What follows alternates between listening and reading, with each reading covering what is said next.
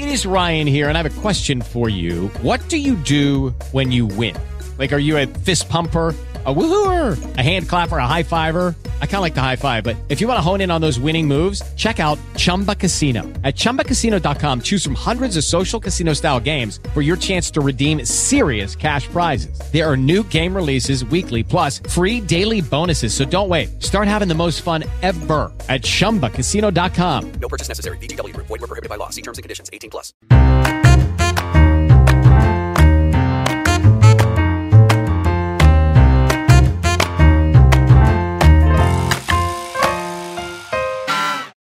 Bu dəfə DJ e, China ilə e, DJ-lik sənətinin e, bu daha dərinliyinə getməyə çalışacağıq. Sabahın xeyir, xoş gəlmisən. Sabahınız xeyir, hamını salamlayıram. Şükür Allah'a çatdım.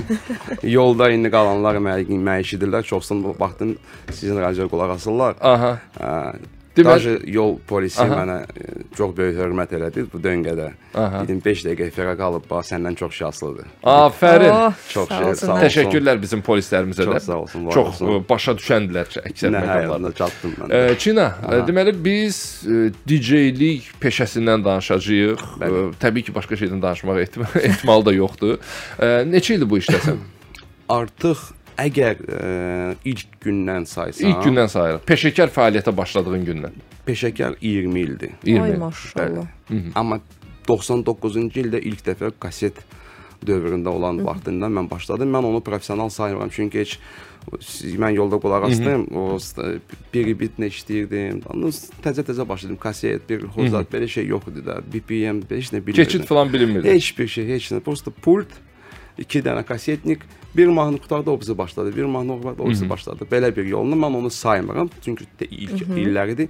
2020-ci 2002-ci ildə 20 il bundan qabaq Vətən kinoteatrı da var, Targovda bir də Vətən kinoteatrı ilk diskotekam oldu, böyük bir səhnəm oldu mənim üçün. Şahin Cavadsoy yadımdadır bizim e, Prodüser idi. Bəli, bəli, o orada təşkilatçı eləmişdi və ilk dəfə onunla tanış oldum orada. Mənim böyük səhnəm elə Vətən kinoteatrından başladı belə. Aydındır. Bəs necə oldu ümumiyyətlə bu sənəti seçdiniz? Necə oldu? Bax hardan gəldi? Əslində-? Əslində e, sözün belə deyim də mən bilmirdim ki, mən DJ olacağam. Nəyə? Mən uşaqlıqdan mama danışıb ki, sən həmişə qazanlarla oynayırdın, stakanları qoydun qabağa, səs səs yaradırdın. 13-14 yaşımda bizim Əhmədlidən mama qaldığın Aha. evdə bağ var. Bağ, bağ deyəndə aqarod sad deyil. Hə, həmin bağda uşaqlar yığılırdı. Mən də iki kasetli maqnitofonu götürdüm özümlə. Bir kasetdən o biri kasetə radioda mahnılar yazırdım. Aha. Bir kasetdən o biri kasetə Pirxot eləyirdim. Deyirəm, "Ha, bir dənə qulaq asın, qulaq asın." Hoppa, Pirxot belə. Ta- Tam başa düşmədim ki, bu DJ-likdir. Arzumda isə sadəcə radio DJ olmaq istəyirdim mən. Mən televiziya ə, te- televiziya mən ə, söhbət elə aynısını sizə danışdınız. Radiosuna gedəndə mən DJ radio olmaq istəyirdim. Mənim arzum idi. Mən uşaqlıqda kasetlərə qulaq asıram. Nə qədər mən zəng edirdim radiolarda öz səsimi eşidim. Həvəslənirdim. O, это я, это я, послушайте.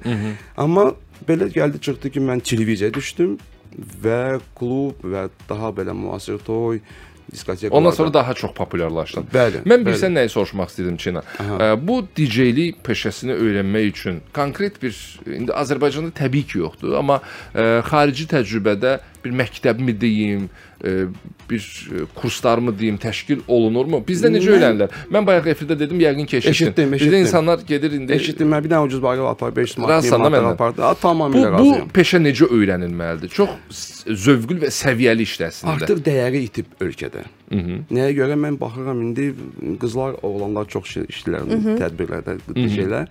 Heç bir əziyyət çəkmədən hazır playlisti baxırlar, gəlirlər Kina Instagramına, Kina gün toyda nə işləyir. O mahnılar playlistini eləyirlər. Sonra gəlirlər toya, toyda sən demişkən 11-dən sonra hamı içkili, heç kim o keçidlərə qulaq asmır. Tonality, BPM, o heç kim heç kim fikir vermir. Hə, söz yaxşıdır. Pulun verilir. Day toyu qaytarmış elə ki təzədən DJ çağırırsan. Əlbəttə, əlbəttə. Hə, o da keçir, hə, hamısı da qazanır. 100 manata, 150 manata gedirlər. Mən deyirəm adi va- vaxt ayıram ki, mən işçilərimə maaş verirəm, avadanlığı gətirib qurmaq, texnika ayrı, işçi ayrı, bu ayrı. Burada isə bir DJ həm texnikdir, həm DJ-dir, həm MC-dir, həm sizə müğənnilik də eləsin. Üstdən bir də rəqqas Yəni əlavə pul xərcləmir də, hamısını Ya, özündə cəmləyir. komplekt, komplekt. Hə, indi lap lap şey olub. Da istəmirəm kiməsə söz atım. Həm zərb çalırlar, həm qarmon çalırlar, həm müğənnilik, həm papaçılıq, həm DJ-lik. Axırda da klient mənə deyir ki, bax Müştəri mənə deyir ki, bax bu DJ var 100 manata gəlir. Hər Qarmon şey- da çalır. Hə, qarmon da çalır. İşte bir 50 manata qoysam ə- ə- ərəb rəqsiyə gəlir mənim üçün. Aşı da gətirər. Aşı da gətir. Hayzo. Mən də qalıram belə baxıram ay Allah. Bütün inst- Instagrama girirəm, deyirəm bu niyə belə ucuzlaşıb bu sənəd? Çünki bu sənədi tam başa düşən ölkədə adam azdır. Hı. Amma e, Bəs ucuzlaşdırmamaq üçün Amma- nələri bilmək lazımdır? Professional yanaşmırlar. Professional yanaşmırlar. Həmçinin indiki mən özümü demirəm də mən belə məndən sonra gələn DJ-lər özlərini məşhur sayan, ego böyük olan ego DJ-lər bir görüntüdür. O DJ olaraq görüntüdür. Onun qoy qabağıma professional dərəcəsindən heç nədən xəbəri yoxdur. İndiyə kimi o 90-cı yaşda e, şey köhnə disklarla işləyir, flaşkalarla gəlir tədbirlər. Hətta indi e, müasirləşib DJ sənətində və kontrollerlər var, spesial proqram proqramlar var, effektlər və digər şeylər var. Onlar heç köhnə aparat qoyur, iki dənə flaşka taxırlar, yola verirlər, vəsə. Amma Azərbaycanda ə, sən sən və bir neçə digər ə, peşəkar DJ-lər var deyə bilərik. Ə, Bu bu sektoru düzəltmək olar da. Olar, artıq bütün ölkələr düzəlir. bu bu mərhələdən keçiblər. Bəli. Bütün ölkələr inkişaf eləmiş ölkələrdən söhbət gedir. Bu mərhələni Bizdə biraz keçiblər. tərsinə gedir. Necə yəni? İnkişaf eləməyin əksinə pul qazanc yolunu ge- gedir. Yo, pul aydın deyə lazımdır, amma müəyyən müddət keçir, keçir, ələnmə prosesi gedir. E, keyfiyyətli adamlar, peşəkar adamlar üzdə qalır. Bunun üçün indi e, düzdür, pul qazanmaqdan ötürü sən də toya gedirsən, digərləri də toya Hamı gedir. Bu öz yerində, David amma Guetta da toya gedir. Ay sağ ol, amma mən elə bildim getmir. e, Sözlə açıq. Yo, Necə? yo, Armin van Buuren versən də gələr toya fərqi. yox. Baxır kim çağırır və nə qədər pul ay verir. sağ ol, ay sağ ol. Mən nəyi soruşmaq istirdim? Bu öz yerində. İndi o sizin qazanc yerinizdir. Bəli. Amma bir tərəfdən də bu ə, sənəti ə, ya- lazımi səviyyəyə gətirmək üçün hansı işləri görmək olar? Məsəl üçün Azərbaycanda. Mütəmadi olaraq eşidirik ki, konkurslar keçirilir, Festivallar, yarışlar, festivallar olmalıdır. olur filan. Yoxsa Bəli, olmur. Olur, olurdu. İndi biraz Səngiyib. ə, bəli, biraz pandemiyadan sonra lap vəziyyət pisləşib və artıq professional olmayan DJ-lər daha çox işləyir. Bax bilirsən günə 250 manat, 200 manatdan. Mən o qiymətə getmirəm deyə həftəmə bir dəfə, iki dəfə gedirəm tədbirə. Onlar hər gün gedirlər, pis də qazanmırlar. Avadanlığı da sizin sözünüzə güvə 500 manatlıq balaca avadanlıq oldu. Bəs görün, görüntü olaraq, görüntü olaraq. 50% non-stopla işləyir. Belə bir yalan nəsə qutdalayır, hamı da eləyir, hamı bu necə eləyir. Əslində baxsan heç bir professional nöqtəsindən gəlmir. Yaxşı, onda bizim insanlar yaxşını ə, pisdən necə ayırmalıdırlar? Ayrılırlar, ayıra bilirlər. Artıq ikinci dəfə dəvət eləyir, bir, bir, qədər- bir dəfə dəvət eləyəndən sonra başa düşürlər ki, hə, bax, bu Çinadır, bu maqnitofondur, bu animatordur, bu da kloundur. Hərənizi. Bəli. O, ə, bir də deyirlər ki, peşəkar DJ ə, nə deyirsiniz ona? Ə, Scratch. Scratch, hə. Scratch. Onun üzərində hə, yaxşı işləməyi bacarmalıdır, yoxsa Real DJ deyirlər. Aha. Real DJ vinil aparatda. Və Mənim mənim o evimdə bir studiyamda, otağımda vinil aparatda professional scratch e, mixer pult, 4 kanallı pult və onu mən özüm üçün professional olaraq, mən öz təcrübəmi işlədirəm. Kimə üçün nümayiş eləmirəm. Çıxıb efirdə toyda fıç-fıç o deyirlər. O, Hə, hə. o toyluq deyil qurban sizə. O toyda kimdir fıçı-fıçı qulaq asan? Bunu kimə başa salasan? Bəli, sabah inşallah hansısa bir efirlərdə məsəl üçün digər kanallarda çağırsalar, professional bir özümü nümayiş eləmək, bəli, mən vinillarla çıxaram, bir dənə flaşkanla çıxmaram. Amma indi mən görmürəm o bir seçimi, o şəraiti görmürəm bizim ölkədə hələ ki. bəs ə, sevdiyiniz DJ-lər kimlərdir? Ümumiyyətlə onunla bir işbirliyiniz olub və yaxud da gələcəyə planlaşdırırsınızmı? Söhbət bizim yerli DJ-lərdən Yerli də olar və yaxud da dünyada Yerli DJ-lər ə, bizim istedadlı çox super DJ-lərimiz var, amma ki populyar deyil. Ə, Bir söz dedin sən, Çina YouTube olmayan, in, in, internet Bəli, olmayan bəli. zaman məşhurlaşıb. Həm televiziya olmayan zaman da mənim ə, məşğulluğum var idi ölkədə, özümə görə, peşəmə görə. Televiziya buna bir dalçoq verdi. Mənə Təkan verdi, bəli. Təkan verdi. Ay sağ ol. Amma indiki DJ populyar olmaq nə lazımdır? Heç bir şey. YouTube-da bir kanal alırsan, bir 200-300 manat YouTube-a bir 2-3 milyon baxış vurursan, salırsan özü bitirəndə bir dənə marşrut, maşap, maşap nəsə eləyirsən, bir başa üstündə. Hər kəlməsi də iki hansısa DJ bir Bəli, sözünü çiyninə çıxıb qulağına dişlərəm. e, o Elşad Paşa demişkən adını da çəkərəm lazım Ya olsa. ehtiyac yoxdur. Söhbət söhbət nə, necə gedir? Bax deyirlər ki, bu DJ maşab buraxıb, xəbərim var. Dedim, ay insan, mən o maşabı hər gün klubda işləyirəm. Aha. Canlı olaraq işləyirəm, yazmam. Çünki bu mənim mahnılarım deyil. 4-5 dənə mahnıdan birləşib öz adından buraxmaq bu DJ-lik deyil. Professional DJ mən bunu saymıram. Görüntü olaraq bizim xalq baxır ki, hə, bu DJ-dir, hə, bu kinodur, bu budur, bu budur. Amma professional olaraq mən 0% görürəm onlardan. Nəticə- Normalda ə, mən bildiyim qədər, indi səhvim varsa düzəldərsən. Ə, DJ-lər ə, müğənnilərdən razılaşma yolu, ilə o populyar mahnıların akapellasını götürürlər və bunun üzərində işlər gedir. Bəli. Azərbaycanda mən nadir hallarda bu akapella üzərində işləyən ə, DJ ə, mahnılarına rast gəlirəm. Bunlar necə tənzimlənir Azərbaycanda? Siz onlara pul ödəməlisiniz, onlar sizə pul ödəməlidir. Ümumiyyətlə bunun maliyyə tərəfləri necə ə, müəyyən edilir? Belə deyim də, indi Məsələn, müğən- siz e, istəyirsiniz ki, Natavan Həbibinin bir mahnısını, çox populyar mahnısını, Natəvan onu öz öz formanda, öz formatında bir e, yeni e, yeni formada çıxardasan efirə. Götürdün akapellanı. Burada maliyyə məsələləri necə tənzimlənməlidir? Maliyyə məs məsələ belədir ki, əgər Natavan Həbibi ilə mənim dost kimi tanışlığım varsa, əlbəttə ki, Natavan Həbibi deyir ki, buyur akapella, как бы взаимо ə, belə deyim də, mən onu PR edirəm, remixini, o da mənə dəstək olur. Amma pul cəhətdən mən o, o boyda keyfiyyəti görmürəm ki, müğənni gəlib pul ödəsin ki, bunu remix elə. Aranjmanlar pis eləmirlər. DJ yox, aranjmanlar yaxşı eləyirlər. Bax, bir mən bir şey deyim. də, Bax, ustanın yanına gələndə slesor, slesor, dəmirçi, dəmirçidir. Bəli.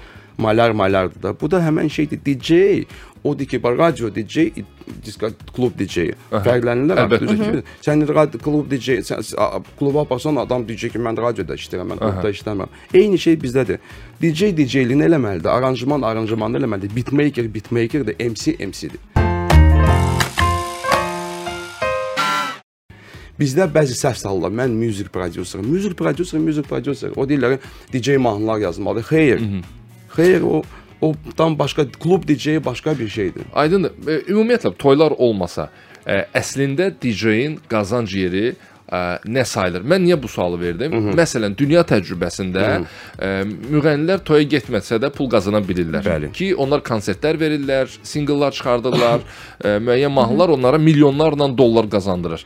Amma Azərbaycanda vəziyyət biraz başqadır. E, aparıcılar da həmçinin toya gedirlər, müğənnilər də və. DJ-lər də. Sırf DJ-lər toylar olmasa necə qazana bilərlər və necə qazanmalıdırlar? Məncə musiqili platformalarda, sifravi musiqi Rəqəmsalda. rəqəmsal platformalarda, iTunes, Spotify, Deezer və digər platformalarda normal mahnılar buraxıb həm də YouTube-dan tutmuş, TikTok-a kimi mən hal-hazırda TikTok-a hazırlaşıram. Aha, hələ yoxsan. Varam, mən çoxdan varam. Mən Azərbaycanda ilk DJ olmuşam ki, TikTokdan küllü miqdarda pul qazana bilmişəm. Karantin vaxtlarında ayıma 2000-3000 pul qazana bilmişəm. O vaxt ki TikTokda adam yox idi. İndi maşallah qonşumuz da e, Stayanka Stayankada yanında hamısı var TikTokda. Mən indi necə hazırlaşım? Mən bir studiya yaratdım. Mikrofondan tutmuş, avadanlıq, DJ avadanlığından tutmuş, işıqlarından, hər şeyindən tutmuş. Bir DJ kimi mən TikToka yenə də təzədən qayıdıram. Amma pul qazanc yolu ilə. Çünki TikTokda mən hər buraxdığım mahnı, oradan da e, baxış sayı, canlı yayımlanan hədiyyələr çox böyük gəlir olur. Plus e, digər musiqili platformalardan gəlir qazanmaq olur. Yaxşı gəlir qazanmaq olur. Yenə də işindən asılıdır da indi. E, Tələbat nədir? Bax, deyirsən studiya qurmuşam, TikTok belə, TikTok elə. Bizim izləyicilərimizin e, sosial media platformalarında olan Şov. insan nə nə gözləyirlər, nə istəyirlər sizdən? şov olsun, nəsə bir ən çox qalmaqalları yollar verir. Mən TikTokda baxıram, ən çox qalmaqallar verilişlər və şovlar daha gəlirlidir. DJ-lər e, xarici DJ-lərlə bir görüntü var, belə bir studiyadır. Kameran qoyulur, TikTok kimi açırlar. İşləyirlər özün üçün. Və böyük bir məbləğ qazanırlar. Söhbət 1000, 2000 yox, 10 min, 20 min, 30 min. Azərbaycanda. Yox, Azərbaycanda Xaricdə. hələ ki Hələ ki yoxdur. Mən istəyirəm yenə də ilk olaraq bunu eləyim. Azərbaycanda yoxdur inşallah. deyəndə ə, Azərbaycanda da pul qazananlar var axı. Var. Mən Yox, söhbət TikTokdan sırf yəni. DJ e, DJ-liyi hə, orada göstərir. TikTokda ilk DJ mən oldum ki, mən o akkauntu yaradandan artıq 50 min, 60 min izləyici var, neçə milyonlarla baxışlar. Qazancım olub, e, mən bunu açıqladım. Həmişə var bir DJ var idi, intervyuda baxmış, sual verirlər ki, YouTube-da nə qədər qazancı? Onu deməzlər. Niyə deməzlər? Mən deyirəm, mən YouTube-dan hələ keçlə qazanmıram. TikTok-dan gəlirim olub, Yaxşı gəlir karantində məsəl üçün heç kim işləməyən zaman mən ayda 1700, 2000, 2500 dollar pul qazanmışam TikTokda. Allah bərəkət Allah versin. bərəkət versin. Bayaq vurğuladınız ki, təbii ki, bütün DJ-lər kimi siz də toya gedirsiniz də hər Bəli. toya getmirsiniz. Toyda olur da DJ-yə yaxınlaşırlar. Mən çox vaxt görürəm. Adi nə bilim, bir dənə onlar şəkil çəkdirim, bir dənə onlar nəyisə Hə, toxunum. Bəs ən maraqlı olub, bilmirəm, maraqlı bir hadisə olub. Kimsə yaxınlaşsın, sizdən nəsə istəsin və yaxud da bir mahnı deyəsiniz ki, uşaq. qurban olum, o DJ-nin işi deyil axı. Bəli, elə iki- bir eyni əhvalatdır. iki- İki qat danışım sizə. Uşaq yaxınlaşıb, yəni yaxınlaşıb mənə çağırdı ki, səsini aldı biraz. Papanın başı ağrır, səsini aldı biraz. Sonra iki dəqiqə yaxınlaşır, həmin uşaq söhbət bir 5 6 7 il bəlkə də çox söhbət. Deyir, göy pencəkli atın üstündə hoppanan kişinin mahnısını qoydu. Göy pəncərəli atın üstündə hoppanan kim imiş? Ya quşdu, kim dedi? Papa dedi ki, göy pencəkli. Eşitdin məni? Deyirəm, hə. Atın üstündən hoppanan kişi belə belə belə eləyir. İndi otur axtar Mən tapda. çox maraqlıdır ki, mən tapdım. Belə çox məşhur, dünyanın məşhur bir mahnısıdır. Gangnam Style-dır. Bəli, bəli. O mahnının adını deməyin əvəzinə göy pencəkli atın üstündən hoppanan kişinin mahnısını qoy. Hə. Bu bir Maraqlı insanlar var. alqoritmdir, zaqatka, tap, tapmacadır. Hər DJ də bunu tapa bilməz. Çox o, o məsələn yaxınlaşıldı mən bu Comedy Club-da danışmışdım bu televiziyada deyir, qoca şey mahnısı var sizdə. Qoca nə? Qoca şey. ya qo bəlkə qoca çınar. Yo yo qoca şey. Telefon yaxınlaşdı qoymuşdu. Qoza şey, qoza şey, qoza şey. o qədər də yox. Onlar necə oxuyurlar elə də deyirlər. Hə, çox Bundan sonra mən də yaxınlaşıb deyəcəm. Amma əli boş getmə də pulla get. Belə belə sənə qulaq asar Yoxsa tapmaz da. Yo mən tapıram. Mən sizə deyim təcə bir insan var ki, mənə yığır gedir ki, Şazam tapmayın mahnısını sən tapırsan. Bir dənə qulağa izim-izimə eləyir mənə telefonda. Mən başlayıram mahnını da oradan tapıram. E, göndərəndə deyir ki, "Çina, bu Şazamı yaxud sən yaratmısan, yaxud Şazamdan sən tez işləyirsən." Deməli bir e, vacib məsələ də var. E, Fürsət düşmüşkən onu da səndən danışaq. E, Azərbaycan retro e, mahnıları və retro mahnıları e, yaşamalıdır. Gələcək nəsillərə də ötürülməlidir. Yer gəlmişkən Azərbaycanda da artıq e, Retro FM Bəli. fəaliyyət göstərir. Baku Retro FM e, 93.3 e, tezliyində siz 24 saat ərzində ancaq və ancaq retro mahnıları e, danışıq olmadan, xəbərlər olmadan dinləmə imkanına maliksiniz. Bax, e, o mahnılar da hansısa formada e, işlənməlidir deyə düşünürəm. Sən sirrimi açdın artıq mənə. Silvi açdım. Bəli, mən bir albom hazırlamışam. Bəlkə də m, bir il üzərində işləyirəm. İstəmirdim bu Hələ çıx açılmayıb. Yox, açılmır. Mən istəmirdim bunu danışım, amma artıq sən Aha. sualı e, belə pişirdin, qoydun qabağıma.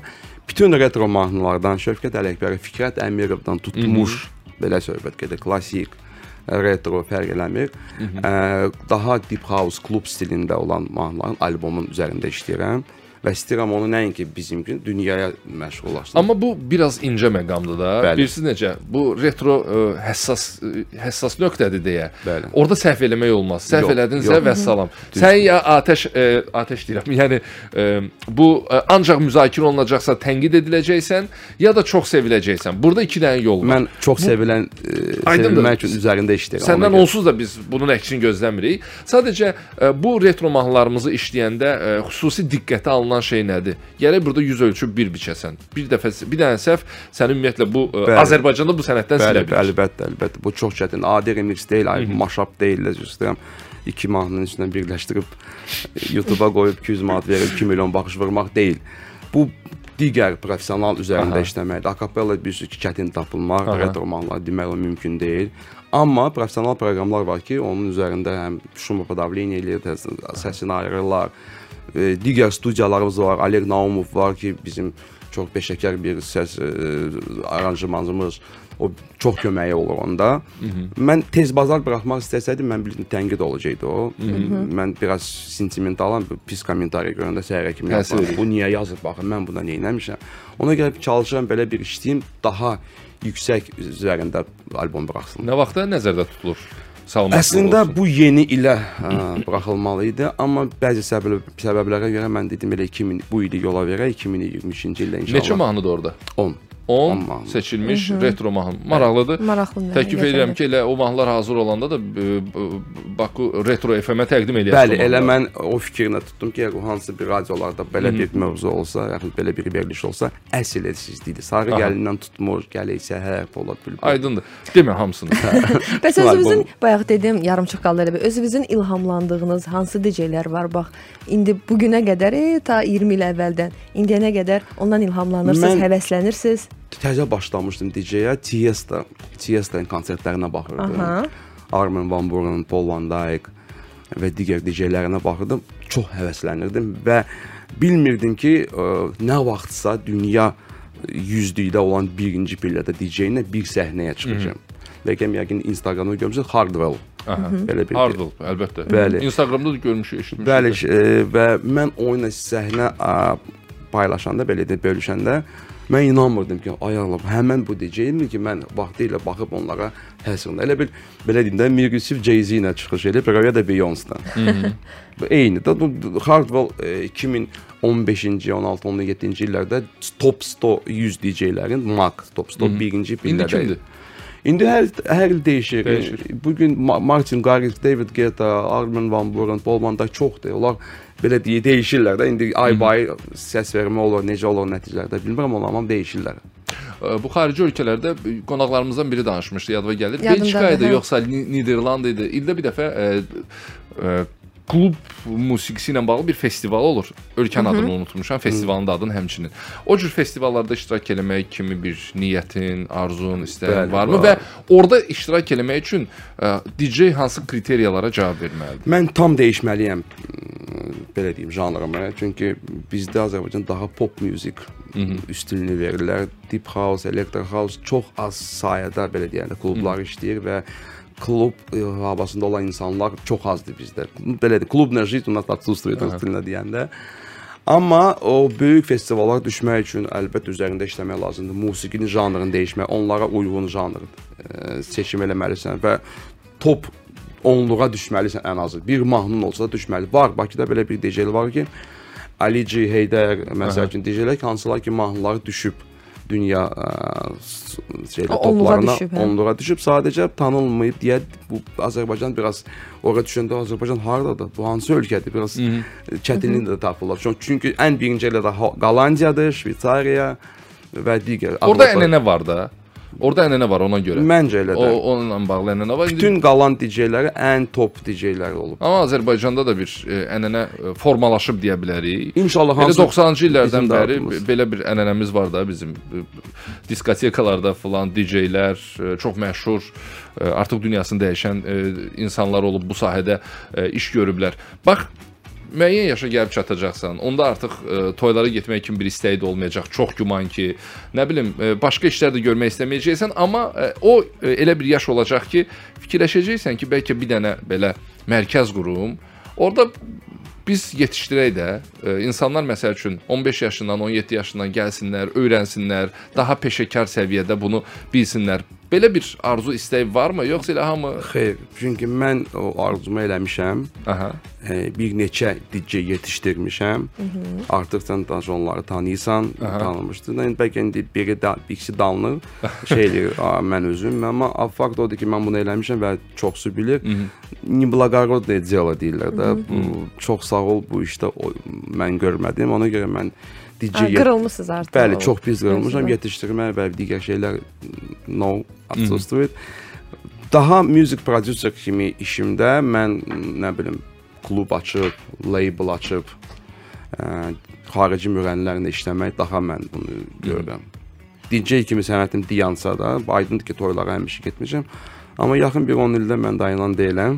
Neçə yaşın var Şuna? Artıq ə, 40-a yaxınlaşıram. 40-a yaxınlaşır. 39. İkimiz də yaxınlaşırıq. Narahat. Hə 30 yox. Sən sən bəlkə biraz tez çatacaqsan. Da, mən bəs deyirəm, amma heç kim inanmır. Mən heç efirlərdə yaşımı demirəm, çünki çoxsu inanmır mənə. Aha. Dəcə bu yaxında bir qızla tanış olmuşdum.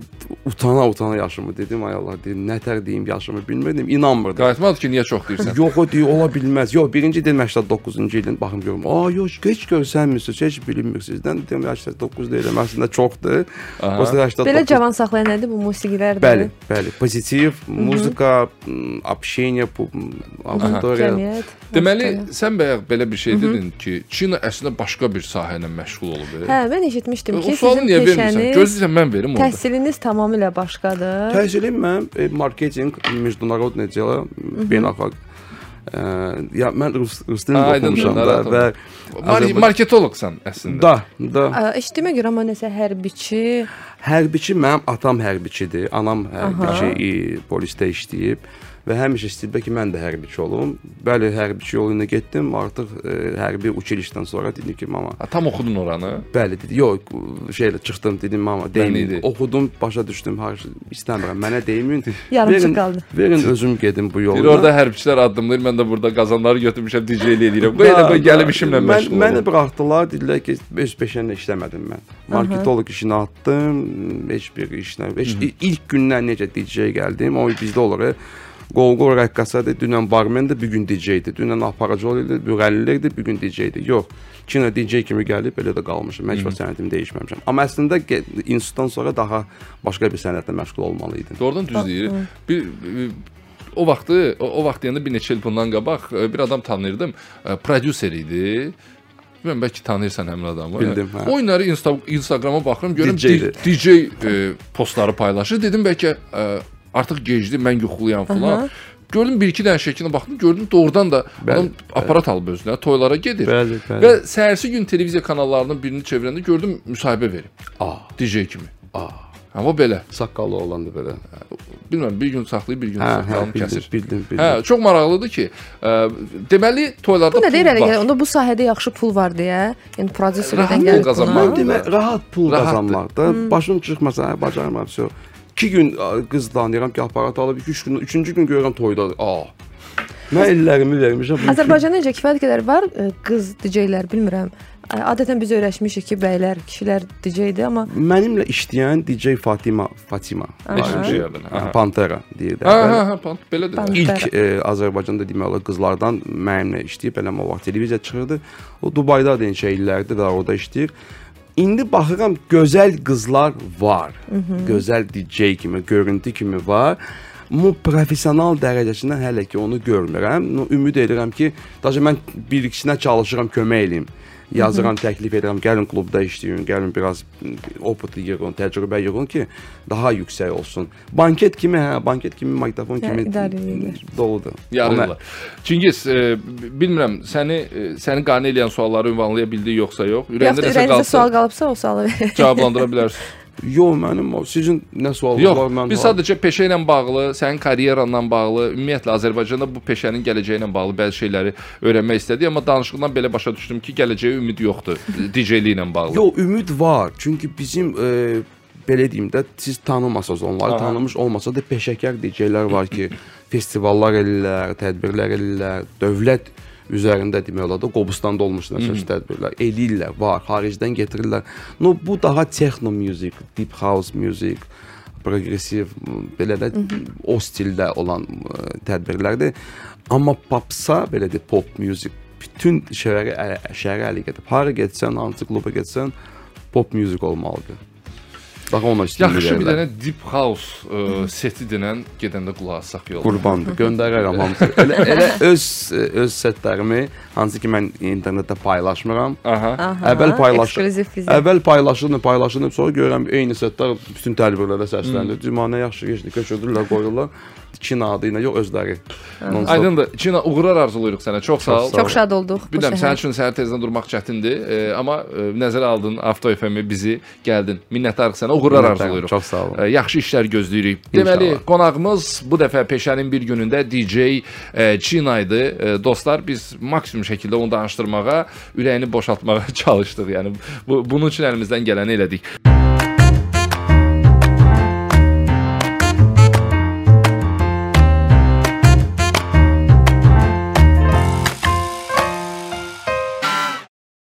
Is Ryan here, and I have a question for you. What do you do when you win? Like, are you a fist pumper?